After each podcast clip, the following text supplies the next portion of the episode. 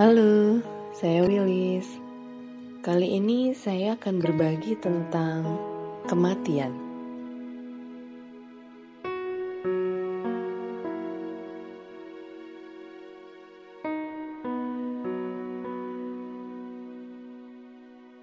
Kematian merupakan pasangan abadi yang tak terpisahkan dari kelahiran. Jarak di antara keduanya adalah misteri ilahi tanpa kisi-kisi. Kita mungkin sering mendengar kalimat, tiap-tiap yang berjiwa akan merasakan mati. Quran Surat Ali Imran ayat 185 Agar apa?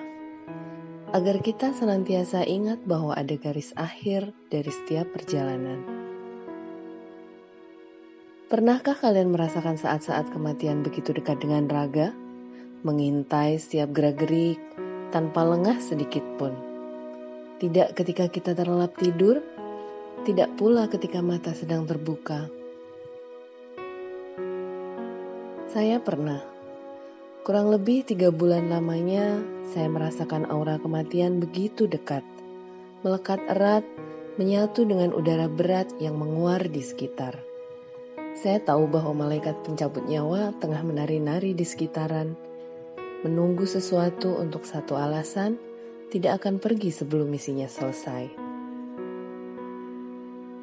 Ketika dokter memberikan vonisnya, terhenyaklah kami semua. Ratusan, bahkan ribuan kelebat bayangan berseliweran di depan mata. Tentang masa lalu, tentang masa kini, tentang masa depan. Gelap, saya seperti masuk ke sebuah lorong gelap yang kegelapannya tak kunjung pudar meskipun hari berganti minggu dan minggu berganti bulan. Hingga pada akhirnya saya terduduk dan tergugu, memasrahkan semua pada dia yang maha segalanya. Di sudut musola kecil rumah sakit itu, setiap hari kami meminta petunjuk, memohon setitik terang, dan berharap pada sebuah keajaiban. Namun gelap tetaplah gelap. Tidak secercah cahaya pun memberi tanda. Dan akhirnya kami harus menerima kenyataan serta perlahan mencoba untuk tetap bergerak maju. Kami tidak bisa berhenti, kami tidak bisa menunggu, dan kami tidak boleh membiarkan malaikat pencabut nyawa itu menarikan lagu sendu. Kami mulai mendendangkan lagu kasih mengharap ampunan, agar kiranya setiap salah, hilaf yang mungkin pernah menimbulkan luka dapat terkikis habis ke angkasa. Namun sebuah kalimat meluluh lantakan perjuangan hati kami pada akhirnya. Berbunyi, Aku ingin mati di rumah saja. Apa yang manusia bisa lakukan ketika menyadari bahwa hawa kematian telah begitu nyata di pelupuk mata? Pulang. Pulang ke rumah yang menenteramkan jiwa meskipun pada akhirnya raga yang menyerah harus terlentang tenang di sana jua.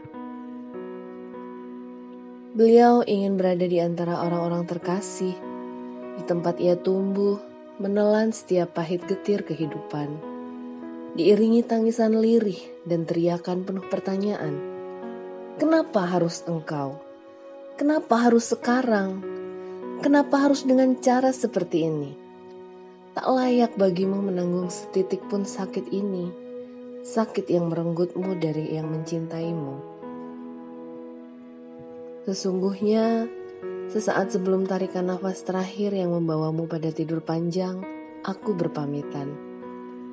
Aku hanya pamit ingin sedikit membagikan cinta yang tertahan pada anak dan suamiku. Namun rupanya engkau yang berpulang. Kiranya Tuhan terlalu menyayangimu hingga Dia tidak membiarkanmu merasakan kesepian karena ditinggalkan. Maka dipanggilnya engkau pulang terlebih dahulu. Berdendanglah para malaikat pencabut nyawa tersenyum senang. Ibu, ketiadaanmu di dunia ini membuat duniaku berada di antara terangnya rembulan yang tenggelam dan silaunya matahari yang belum terbit. Bersenang-senanglah di surga bersama anakku, Simba, dan juga semua arwah yang terlebih dahulu meninggalkan dunia ini. Banyak jiwa yang baik belakangan ini menyusulmu, mungkin kalian bisa bercengkrama bersama. Sampai kita bertemu dan berkumpul kembali suatu saat nanti, Ibu.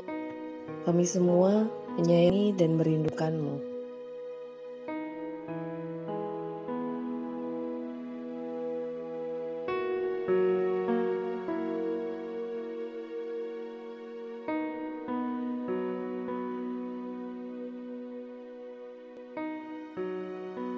Terima kasih sudah mendengarkan suara semut hari ini. Dengerin lagi ya besok, karena semua orang bisa membuat podcast dan semua podcaster butuh komunitas.